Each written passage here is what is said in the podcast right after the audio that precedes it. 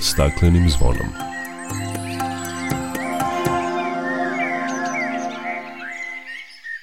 Dobar dan i dobrodošli na Zeleni talas prvog programa radija Radio Televizije Vojvodine. Ja sam Dragana Ratković. U Novom Sadu danas se završava sajam ekologije i sajam lova i ribolova. Sajam ekologije ove godine bio je u znaku upravljanja otpadom, stoga ćemo veći deo emisije posvetiti toj temi. Govorit ćemo o trenutnom stanju i planovima za rešavanje problema upravljanja otpadom, o izgradnji regionalnog centra za upravljanje otpadom u Novom Sadu, o reciklaži i cirkularnoj ekonomiji, o monitoringu kvaliteta nepoljoprivrednih zemljišta na kojima se nalaze i opštinske ili divlje deponije. Ove godine prvi put na sajmu ekologije organizovano je reciklažno ostrvo. Čućete kako ono funkcioniše. Biće reči i o Evropskom vikendu posmatranja ptica koji se organizuje na 27 lokacija u našoj zemlji u organizaciji Društva za zaštitu i proučavanje ptica Srbije. Toliko u najavi o ovim i drugim temama više nakon posebne pesme. Dok priroda kraj nas plače za vladarskim svojim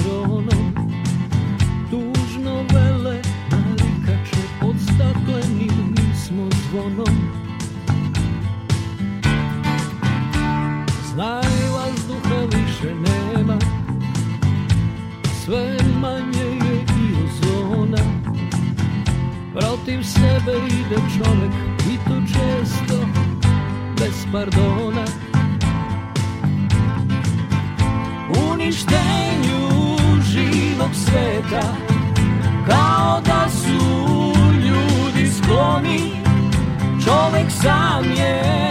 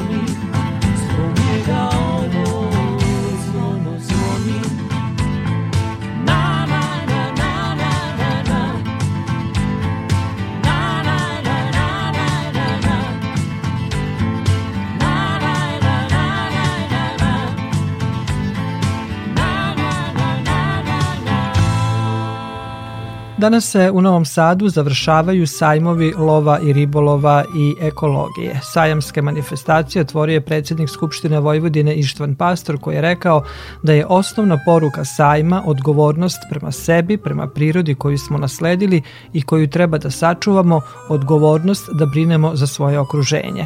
Učesnici svečanog otvaranja zasadili su po jednu sadnicu Pančićeve omorike, poznate po tome što uprkos osetljivosti na negativno delovanje čoveka u njenom prirodnom staništu veoma dobro uspeva u zagađenim urbanim sredinama.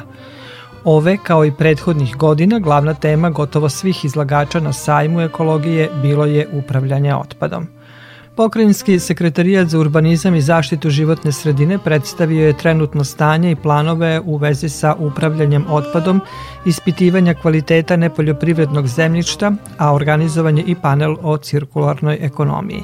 Prema rečima Svetlana Marušić, Pokrajinski sekretarijat za zaštitu životne sredine se aktivno bavi problemima prouzrokovanim, a neadekvatnim postupanjem otpadom u Vojvodini i svoje aktivnosti usmerava na to kako bi se stanje poboljšalo, jer imamo veliki broj divljih deponija. Po popisu divljih deponija iz 21 imamo 410 deponija na teritoriji Vojvodine. To su one sa većim površinama i tako, ovih manjih rasutih imamo mnogo više. Ne mogu da kažem da se stanje nije popravilo u odnosu na prethodne godine, jer ovog momenta imamo četiri sanitarne deponije i u skladu sa tim koordiniramo opštene da se priključe regionalnom sistemu koje je ist, istovremeno i strateška investiciona opcija Republike Srbije kada se tiče upravljanja otpadom. U skladu sa nacionalnom strategijom koja je bila do 2019. i koju je zamenio program upravljanja otpadom Republike Srbije. Na teritoriji Vojvodine je definisano devet regiona.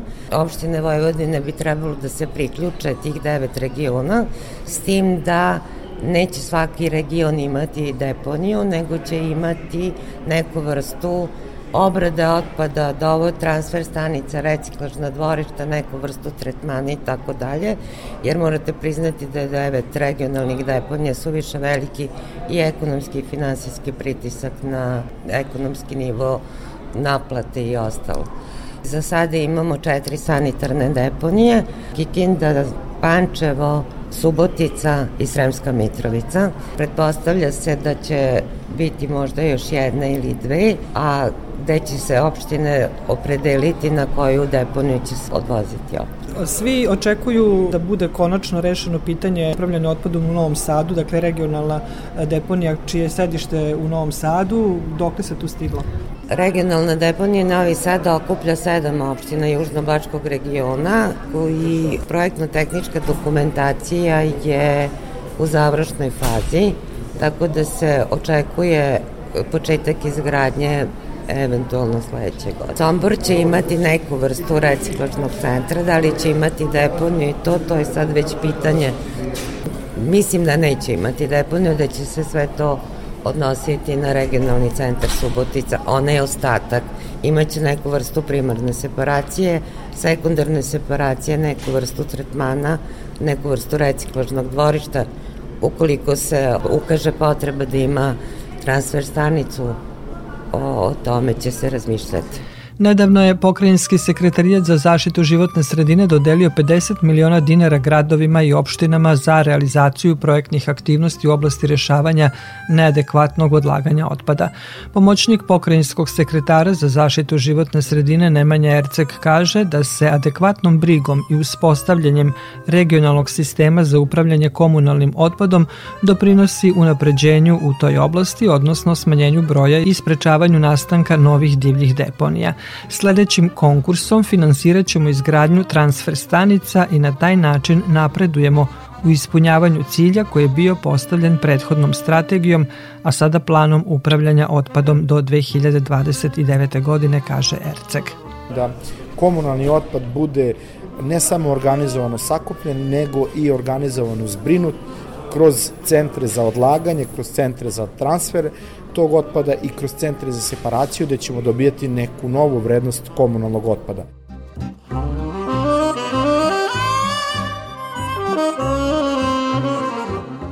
Pokrajinski sekretarijat predstavio je i rezultate monitoringa nepoljoprivrednog zemljišta.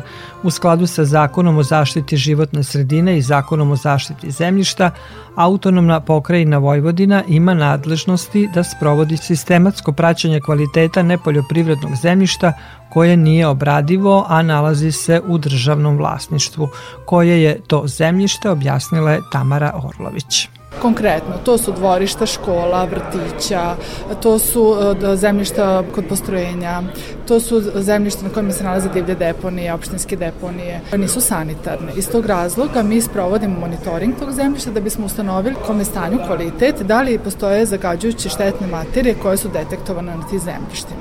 Šta kažu rezultati monitoringa? Pa rezultati ukazuju da je potrebno raditi dodatne istraživanja s obzirom da smo mi preliminarno napravili neki presek i ustanovili da ima malo prekoračenja teških metala, remedijacionih vrednosti nema toliko, nešto neznatno 0,3% u zavisnosti od parametara i one podrazumevaju da će se dalje raditi projekti sanacije i remedijacije koje treba jedinice lokalnih samouprava da pripreme da bi se na osnovu tih projekata revidiralo to zemljište koje, na kojem je uočeno prekoračenje. Koje su to otprilike zemljišta gde su stanovljena prekoračenja? Pa to su ta najčešće znači vezana za divlje deponije i za opštinske deponije. Iz tog razloga je neka intencija da se dalje radi na to sanitarnom regionalnom upravljanju i da se na neki način sistematizuje i ta neka šteta koja je načinjena da se uradi sanacija tog zemljišta i da se na neki drugi način mogu tokovi otpada upravljati, da se to ne odlaže na nezaštićena zemljišta. Eto tako. Ba, ba, ba, ba, ba, ba, ba, ba, ba, ba, oh, ba, ba. looking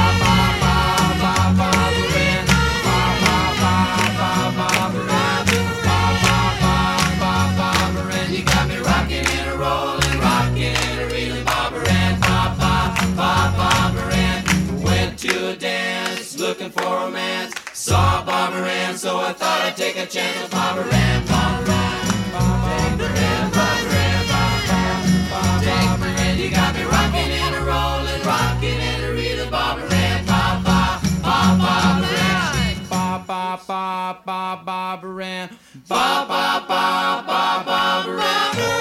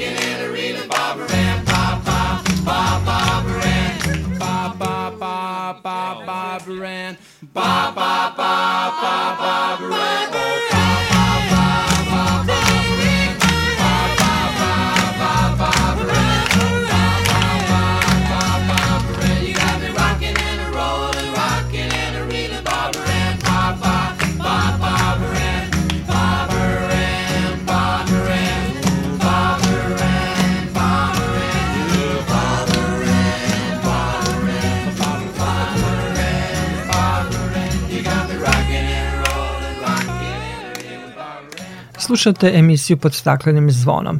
U organizaciji Pokrajinskog sekretarijata za zaštitu životne sredine na sajmu ekologije organizovana je panel diskusija o cirkularnoj ekonomiji i primerima dobre prakse. Predsednik Udruženja reciklera Srbije Nikola Egić kaže da smo pre imali cirkularnu ekonomiju koju nismo tako zvali, a sada ponovo pokušavamo da je primenjujemo. Ranije nije bilo novca, nije bilo sredstava, proizvodi su tako korišćeni i pravljeni da mogu da se koriste za ponovnu upotrebu. Redko šta se bacalo, počev od e, pića, sokova, mleka, mleko se sipalo u staklene flaše, menjali smo staklene flaše, posude, šerpe, lonce i ovaj, to je cirkularna ekonomija.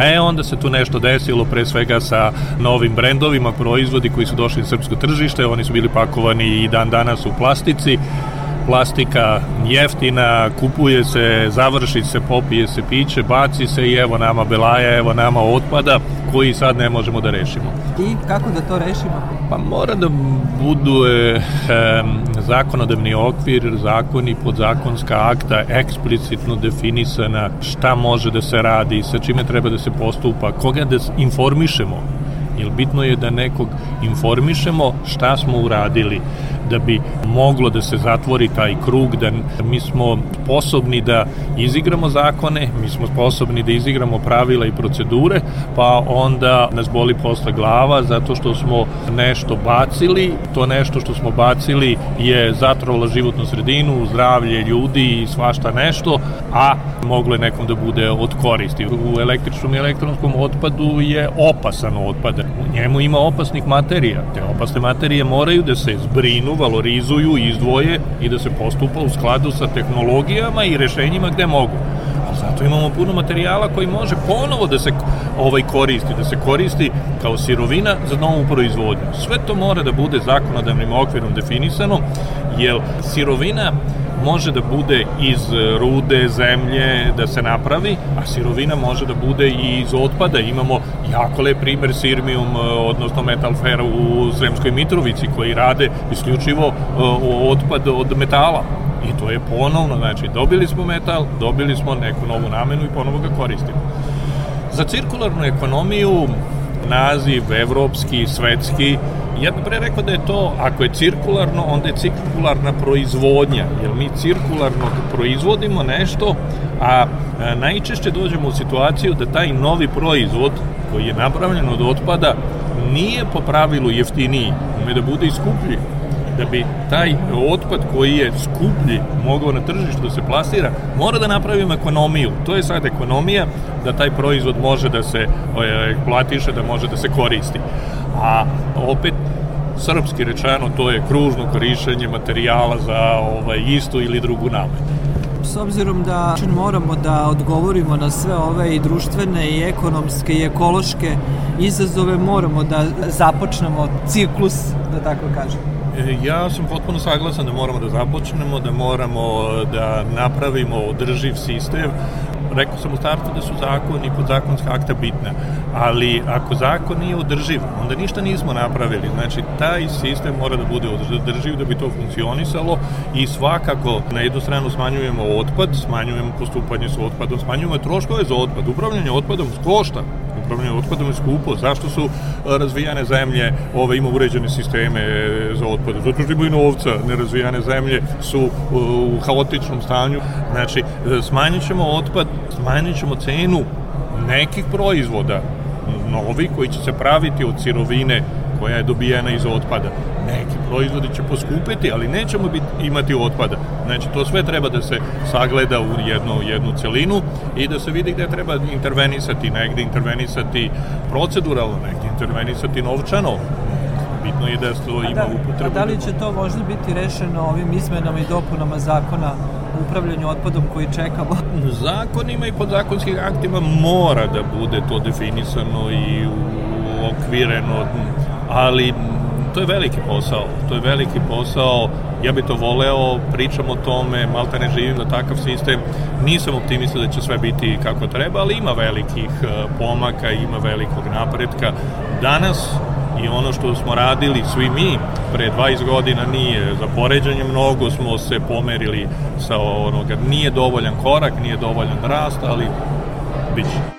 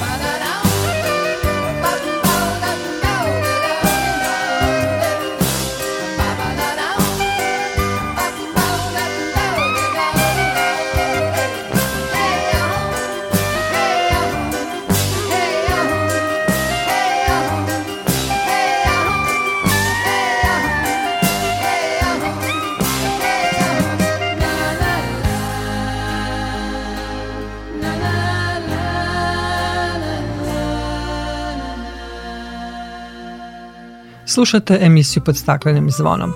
Tradicionalno na sajmu ekologije štand Gradske uprave za zaštitu životne sredine bio je prepun učenika nižih razreda osnovne škole koji su učestvovali u raznim ekološkim radionicama posvećenim upravljanju otpadom, a grad Novi Sad predstavio je svoje aktivnosti. Kako je rekla Mira Radenović, članica gradskog veća zadužena za oblast ekologije i zaštite životne sredine, veoma je važno podizanje ekološke svesti o tome šta znači pravilno upravljanje otpadom i na koji način mi doprinosimo tome.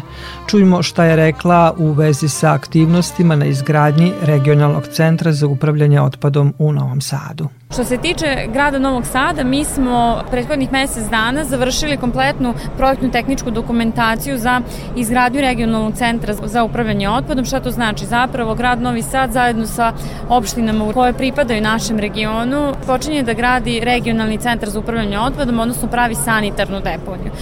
Tim u vezi, polako ste videli već po ulicama grada Novog Sada da se pojavljuju neki beli kontejneri za staklo. Mi to zovemo zvona za staklo, a ima ih sada 150 po gradu i do kraja godine bit će ih negde oko 400-450. Pokrećemo kompletan grad Novi Sad, urbani i e, suburbani deo u smislu ove, prigrada.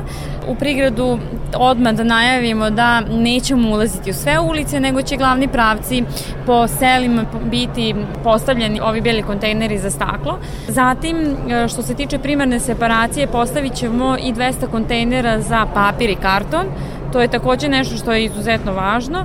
Do sada smo postavili nekih 30 podzemnih kontejnera za pet ambalažu, vidjet ćete ih u centralnom delu grada i ono što je bitno u narednom periodu svakako ćete vidjeti i nove reciklomate u gradu za konzerve i za pet ambalažu. Znači onako jednim punim i ozbiljnim tempom ulazimo u tu primarnu separaciju, odnosno u pravilan način sakupljanja, odnosno razvrstavanja otpada u gradu Novom Sadu i to je nešto što ćemo morati da uradimo svakako do završetka izgradnje regionalne deponije, obzirom da je to jedini način da mi sačuvamo našu životnu sredinu, odnosno da sačuvamo deponiju od prekomernog odlaganja otpada.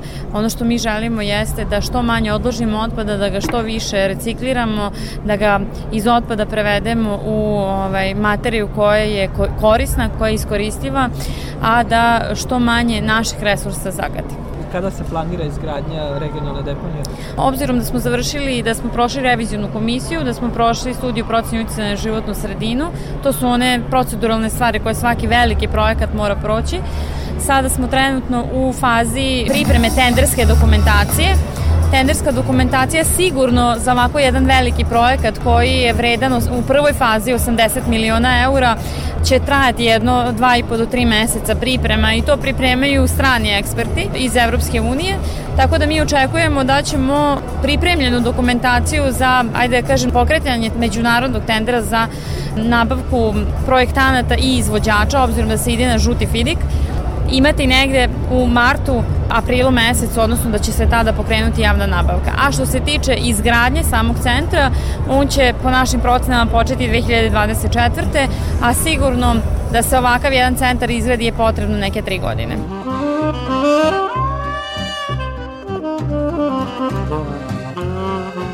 Na inicijativu inženjera zaštite životne sredine i uz podršku Gradske uprave za zaštitu životne sredine, reciklera i javno-komunalnog preduzeća Čistoća, na sajmu ekologije prvi put je organizovano reciklažno ostrvo kako bi se građanima približio izgled pravog reciklažnog dvorišta koje bi trebalo sledeće godine da počne da se gradi u Novom Sadu.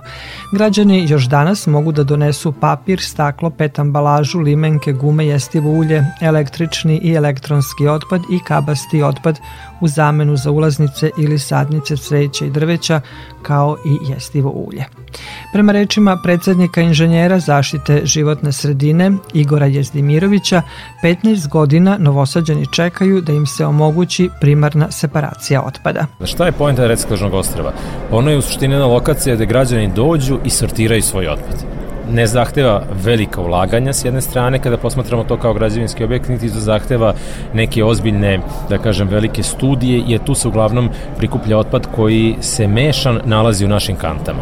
I cela ideja oko toga jeste da se nađe jedna pogodna lokacija na kojoj je građanima relativno lako dostupna i da se oni naviknu da tu donose svoj otpad koji će, zato što je sortiran, biti moguće poslati dalje na reciklažu. Mi danas, evo i 2022. godine, pričamo u Novom Sadu o otpadu koji se nalazi svuda oko nas, mešan i koji je jako teško sortirati, to verujem da najbolje znaju ljudi koji rade svako dan na sortirnici i koji pokušavaju tog otpada nešto da izvuku. A ono što u suštini potrebno jeste više takvih lokacija na kojim vi kao građanin, kao vlasnik tog otpada, taj otpad direktno usmeravate u onaj kontejner koji treba. Ono što smo želeli da postignemo i sajmom ekologije, da pokažemo da taka jedna relativno jednostavna oblast ili kako god prostor može da se uredi na taj način da građani imaju lak pristup, da mogu to da ostave, a naravno tokom samog sajma oni koji su to uspeli da urade su uspeli da budu motivisani kroz besplatnu ulaznicu na sam sajam.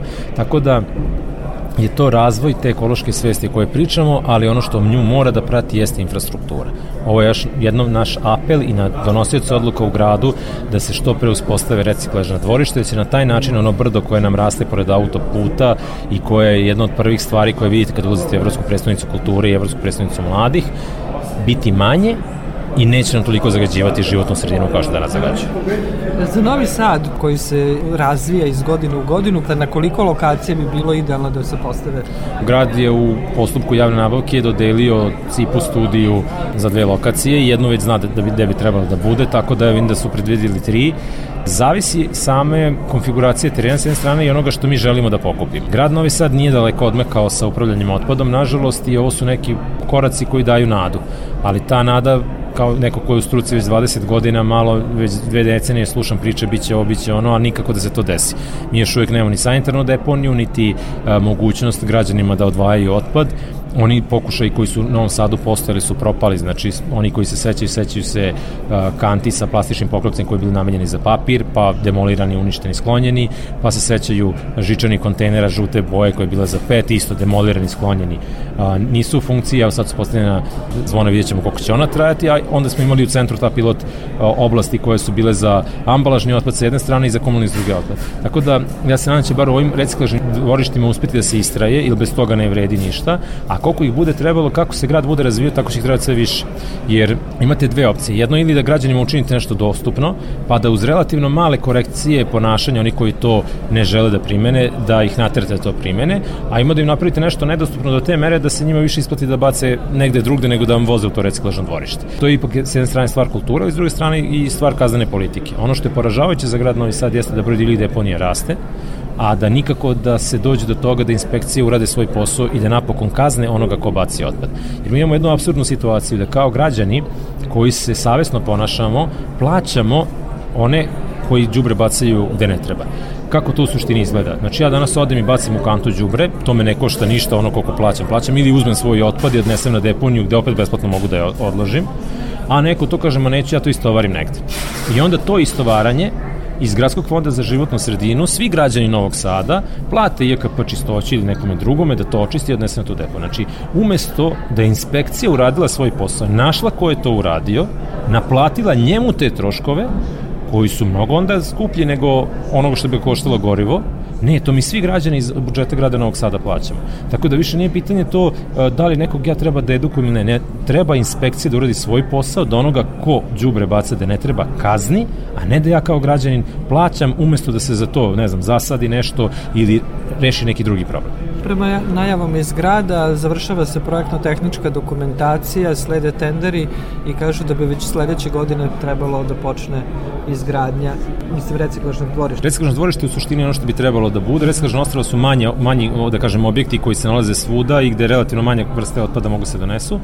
Ja ću verovati kad vidim. Dotle mi dozvolite da budem u oblasti životne sredine i otpada i u Srbiji i u Novom Sadu, ne verim tome.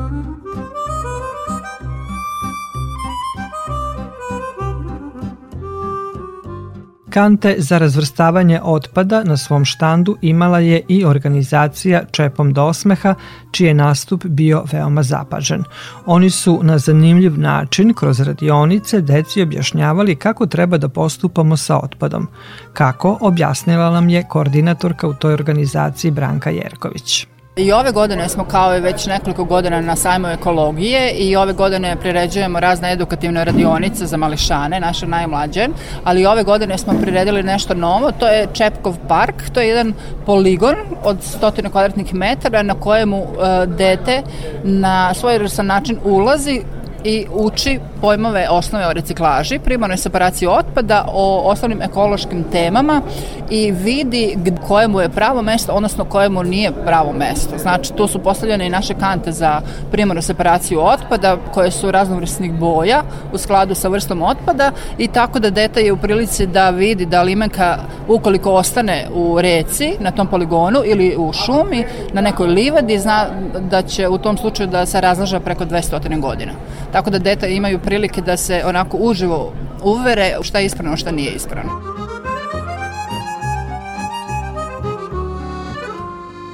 Na sajmu ekologije Pokrajinski zavod za zaštitu prirode predstavio je studiju zaštite specijalnog rezervata prirode Doline kod Padine, a ekološki magazin Ekolist obeležuje 15 godina od izlaska prvog broja.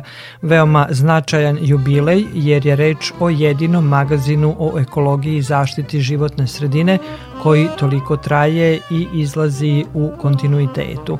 U okviru panela koji je organizovan predstavljeni su 15-godišnji rad i planovi ekolista i elektronskog izdanja e-ekolista, a novinari domaćih medija koji su kroz projekat Puls Evrope medijske posete Evropskoj uniji izveštavali o ekološkim temama iz evropskih zemalja, predstavili su primere najboljih praksi u oblasti zaštite životne sredine na starom kontinentu.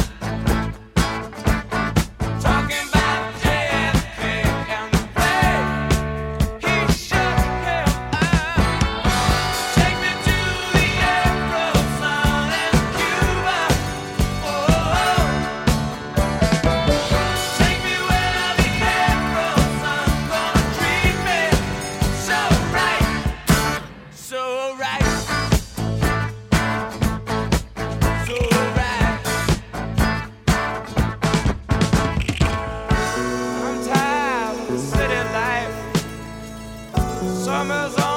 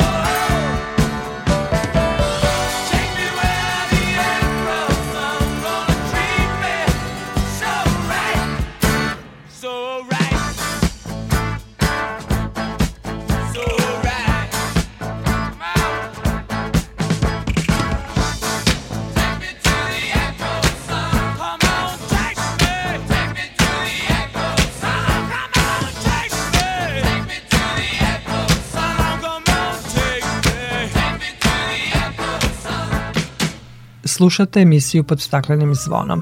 Pokrajinski sekretarijat za urbanizam i zaštitu životne sredine dobio je opremu za brzo uzorkovanje otpadnih voda koja će unaprediti rad inspekcijskih službi.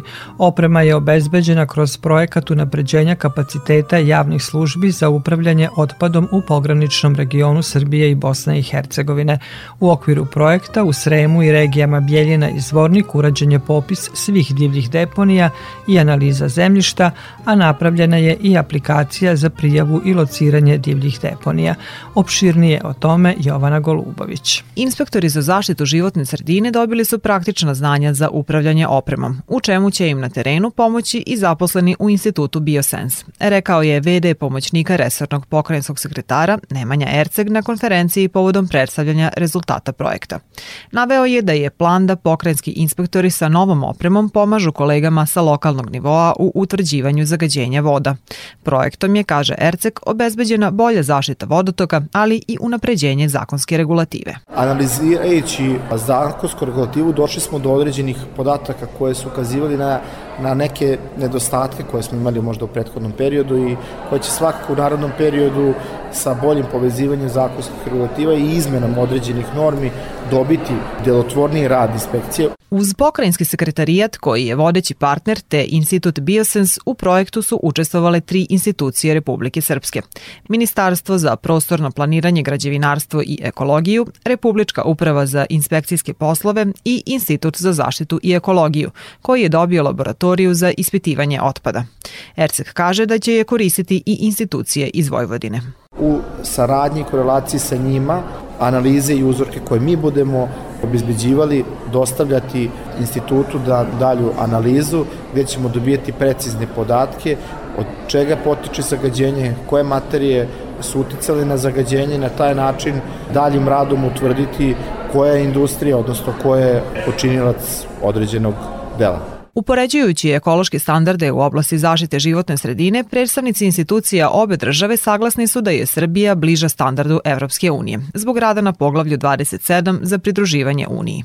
To se pre svega odnosi na tehničke kapacitete i sisteme za monitoring, jer stručni kadar ne nedostaje ni jednima ni drugima, ocenjuje direktor instituta Predrag Ilić. Možemo reći da Srbija u određenoj mjeri ima razvijenije laboratorije nego što Republika Srpska, jer sa ovom laboratorijom, sa opremom koja je dobijena u okviru projekta je formirana i upravo otvorena laboratorija za analize otpada zemljišta i voda.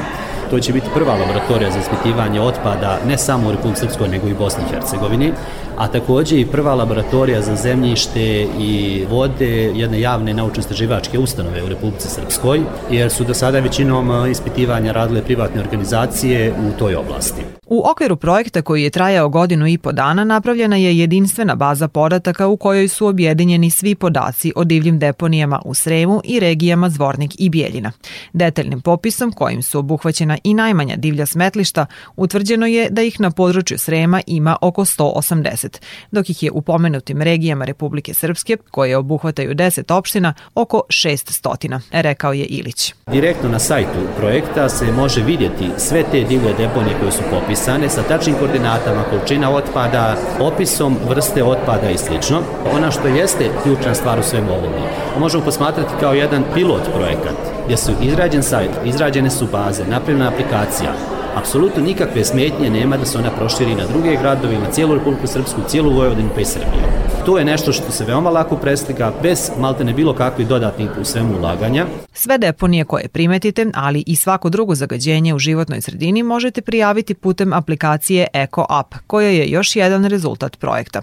Zašto je to važno, objašnjava Nemanja Erceg. Svedoci smo da, nažalost, na divljim deponijama se odlažu i materije koje predstavljaju opasne materije, gde usled vremenskih prilika dolazi do njihovog ispiranja u zemljište i dolazi do mešanja sa podzemnim vodama, samim tim na neki način ulaze u vodotok. Zato je iz tog razloga vrlo bitno da se ovaj segment prati, da bismo neke deponije koje su nastale u blizini vodotoka sprečili, uklonili i cilj te aplikacije da građani interaktivno učestvuju sa organom. Već aplikacija funkcioniše, tako i da na zvaničnom sajtu projekta, a i, i preko platformi Google Play prodavnice i tako dalje, možete preuzeti aplikaciju. Osim količine i vrste otpada, baza podataka obuhvata površinu i dubinu zemljišta zahvaćenog otpadom, a u planu je da se aplicira za projekte koji bi pomogli u rešavanju tog problema, istakao je Predrag Ilić. Nažalost, e, situacija je takva da jedan dan uklone deponije, sutra su već deponije na tom mjestu.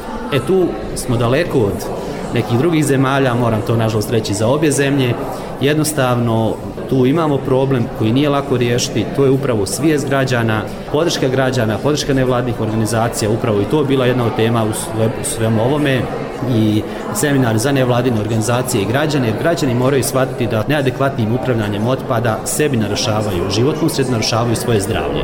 A svakako i postoji mjesta za odlaganje gdje mogu odvesti bez ikakvih problema. Ukupna vrednost projekta unapređenja kapaciteta javnih službi za upravljanje otpadom u prekograničnom regionu Srbije i Bosne i Hercegovine skoro je 517.000 evra, a Evropska unija finansirala je 85%. Osim opreme za rad na terenu, laboratorijske i računarske opreme, partneri na projektu dobili su i vozila.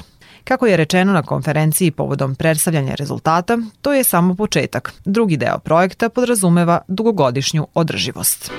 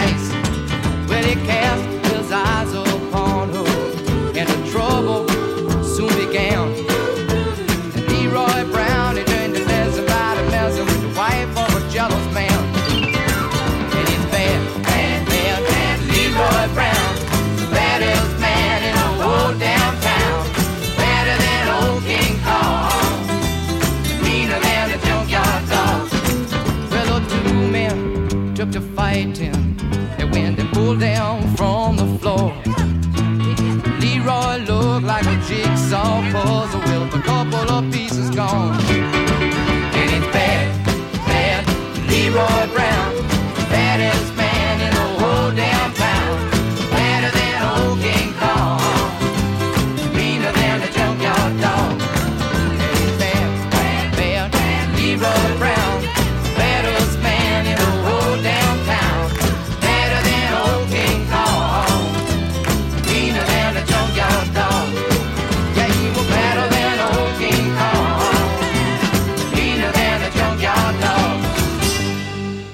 Slušate emisiju pod staklenim zvonom.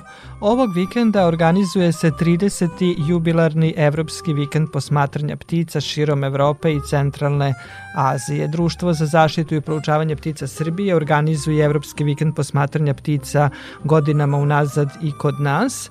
Tim povodom na telefonskoj liniji je član društva Vilmoš Barkoci. Vilmoš, dobrodošli na Talasa Radio Novog Sada. Dobar dan, hvala na pozivu. Evropski vikend posmatranja ptica nije samo puko posmatranje ptica u toku jesenje seobe, nego mnogo više od toga kako bi šira javnost saznala nešto više o pticama i šta ih ugrožava na njihovom migratornom putu.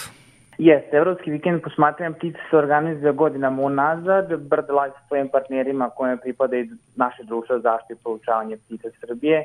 Od 93. godine, to, to je 30 godina organizuje Evropski vikend za posmatranje ptica i time se trude da isprate neki trend. Akcenat je na, naravno na pticama, na njihovoj migraciji, na usputnim stanicama, na migratornim putevima, na gnežđenju kao i na zimovalištu ptica u zavisnosti o kojoj vrsti se radi. Da li se gnezde na severu i dolaze na Mediteran ili se gnezde negde u centralnoj Evropi ili južnoj i putuju u Afriku. Akcenat je, pored posmatranja i prepoznavanja i upoznavanja sa pticama, edukacija učesnika vezano za ugrožavajuće faktore koji utiču na pad brojnosti ptica koji je evidentiran. Najveći problem je nestanak njihovog staništa kako tokom gnezdećeg perioda, tako i tokom migracije i usputnih stanica koji njima onemogućava bilo gneženje, bilo odmaranje tokom migracije. I jesenji period migracije jako je bitan e, upravo iz tog razloga da bi se javnost upoznao sa tim problemima kojima se naše pernate komšije suočavaju. Evropski vikend posmatranja ptica organizuje se uvek e, prvog vikenda u oktobru, jesenja se oba je počela. Koje ptice možemo očekivati, koje su ptice već spremne da krenu na jug? Sve zavisi e, koji tip staništa posećujete, polako nam dolaze galebovi, polako se skupljaju jata, tako da u zavisnosti od toga koje stanište posećujete ili gde ćete učestvovati, toga zavisi koje ptice ćemo moći da da vidimo. I u Srbiji se ovog vikenda organizuje posmatranje e, ptica u organizaciji Društva za zaštitu i proučavanje ptica Srbije. Svake godine organizuju se brojni izleti. Kako je to ovog vikenda? Gde su sve organizovani izleti i na koliko lokacija? Ove godine imamo organizovano 27 izleta širom Srbije. Trudili smo se da se izleti raspodele više manje ravnomerno po celoj zemlji. Imamo i organizovani izleti u zaštićenim područjima kao što je Zastavica ili Labudovo okno ili Tarska bara, kao i nekim urbanim delima nekih gradova kao što je Futoški park ili Kamenički park u Novom Sadu, Dunavac, Šodroš u Novom Sadu, Veliko blato koje je u blizini Beograda, mali parkovi u manjim naseljenim mestima kao što je park u Baškom Brestovcu ili kanal Duna Tisa u, u Karavukovu ili u Bačkom Petrovcu. Imamo na jezerima kao što je Oblačinsko jezero kod Niša ili Bovansko jezero kod Sokobanje. Imamo na Suve Moravi kod Čačka, Imamo specijalni rezervat prirode Gornje Podunavlje kod Bačog monoštara, Ribnjak, kapetanski rib kod Kaniže, isto na severu, tako da trudili smo se da pokrijemo dosta tipova staništa gde mogu učesnici da vide različite vrste. Danas imamo organizovanu Melencima u park prirode Rustanda, imamo na Jegrici, imamo Ribnjak Bečej, Oblačinsko jezero kod Niša. Poslednji izlet koji je na redu je na, na reci Jegrić, kod Temerina, vreme okupljanja u 14 časova kod vizitorskog centra. Šta je potrebno za one koji se danas odluče da odu da posmatraju ptice, bilo organizovano ili u vlastitom aranžmanu? Koje su preporuke i saveti vaši? Pre svega preporučujemo da se e, svi dobro obuku u zavisnosti od vremenskih uslova koji će biti Danas, zavisi izleta koji će odabrati, ako više na nekim urbanim delovima, onda nije potrebno terenska obuća, ali preporučujemo ako idu negde van gradova da se obuje terenska tipela, preporučuje se dvogled, ali ukoliko neko nema, naši vodiči posjeduju dvoglede koji će ustupiti svakom ko, ko nema dvogled, tako da neće niko biti uskraćen za uživanje u posmatranju ptica. Takođe preporučujemo aplikaciju Ptice na dlanu da instaliraju na svoje pametne telefone pre izleta donekle da se upoznaju sa pticama i da bi lakše mogli da prepoznaju tokom izleta. Veoma korisni saveti. Hvala vam lepo za razgovor i učešću u programu Radio Novog Sada. Hvala vam.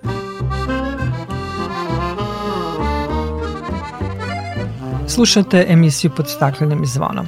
Četvrti ciklus nazvan Društvo prirodi ili Priroda društvu projekta za sad i drvo zvanično je počeo lansiranjem nove sezone uz prisustvo partnera projekta, stručnjaka, ambasadora za sad i drvo i predstavnika medija koji su se okupili u botaničkoj bašti Jevremovac u Beogradu.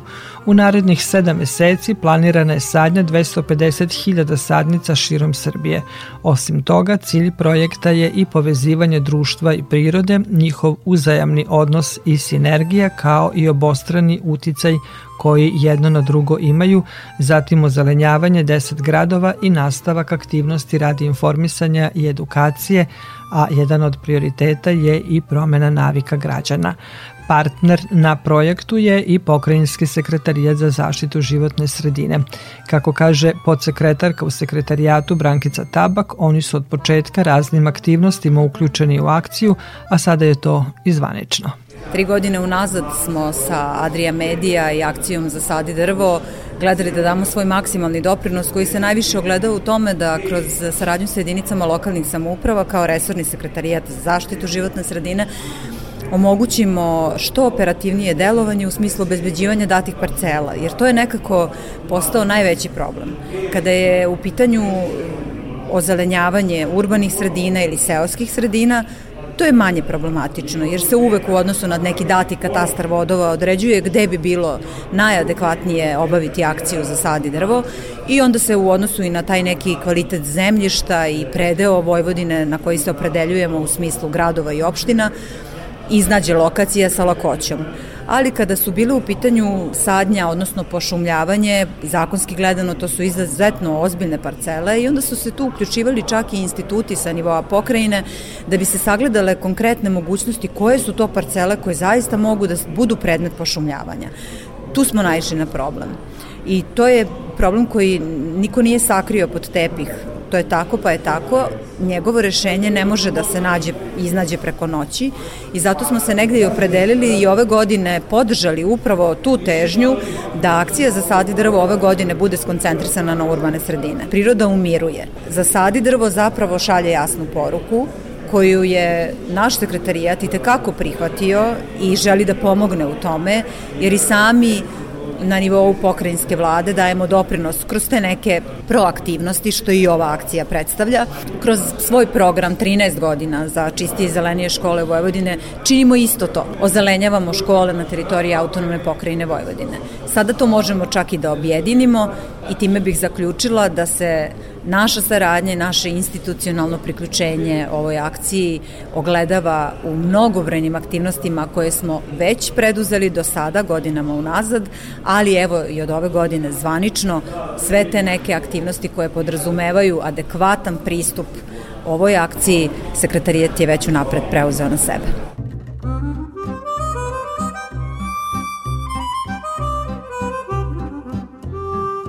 U Novom Sadu danas se završava sajam ekologije i sajam lova i ribolova. Za dva dana u Beogradu počinje trodnevni međunarodni sajam energetike i međunarodni sajam zaštite životne sredine i prirodnih resursa EcoFire. Ove izrazito komplementarne sajamske manifestacije, svaka na svoj način, doprinose ne samo udobnijem i zdravijem, nego i uopšte mogućem životu. Ove godine priključit će im se i prvi međunarodni sajam komunalnih tehnologija. Toliko u ovom izdanju emisije pod staklenim zvonom koju možete slušati i odloženo na podcastu Radio Televizije Vojvodine na adresi rtv.rs. Na pažnju vam zahvaljuju Violeta Marković, Zoran Gajinov i Dragana Ratković. Naredni susret zakazujemo za sedam dana u isto vreme na zelenom talasu prvog programa radija Radio Televizije Vojvodine. A child arrived just the other day. He came to world in the usual way, but there were planes to catch and bills to pay. He learned to walk while I was away, and he was talking for I knew it. And as he grew, he'd say, I'm gonna be like you, Dad. You know I'm gonna be like you. And the cat's in the cradle and the silver spoon. Little boy blue and the man on the moon. When you're coming home, Dad, I don't know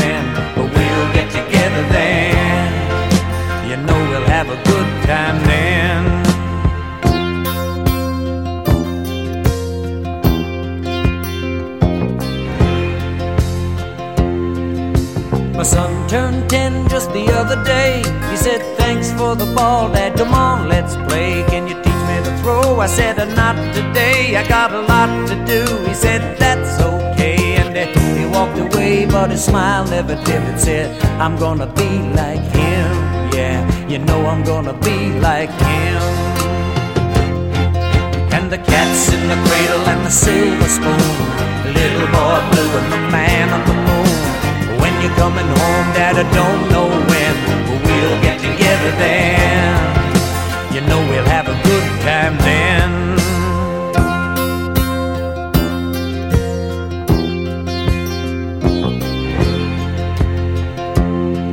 Well, he came from college just the other day. So much like a man, I just had to say, Son, I'm proud of you. Can you sit for a while? He shook his head and he said with a smile, What I'd really like, Dad, is to borrow the car keys. See you later, can I have them, please? And the cat's in the cradle and the silver spoon. Little boy blue and the man on the moon. When you're coming home, son, I don't know when, but we'll get together then, Dad. You know we'll have a good time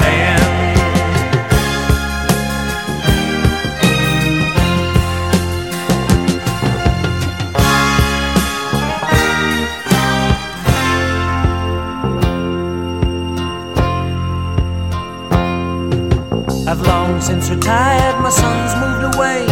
I called him up just the other day. I said, I'd like to see you if you don't mind. He said, I'd love to, Dad, if I can find the time. You see, my new job's a hassle and the kids are the flu. But it's sure nice talking to you, Dad. It's been sure nice talking to you. And as I hung up the phone, it occurred to me he'd grown up just like me. My boy was just like me. And the cat's in the cradle and the silver spoon. Little boy blue and the man on the moon. When you're coming home, son, I don't know when, but we'll get together then, Dad. We're gonna have a good time then.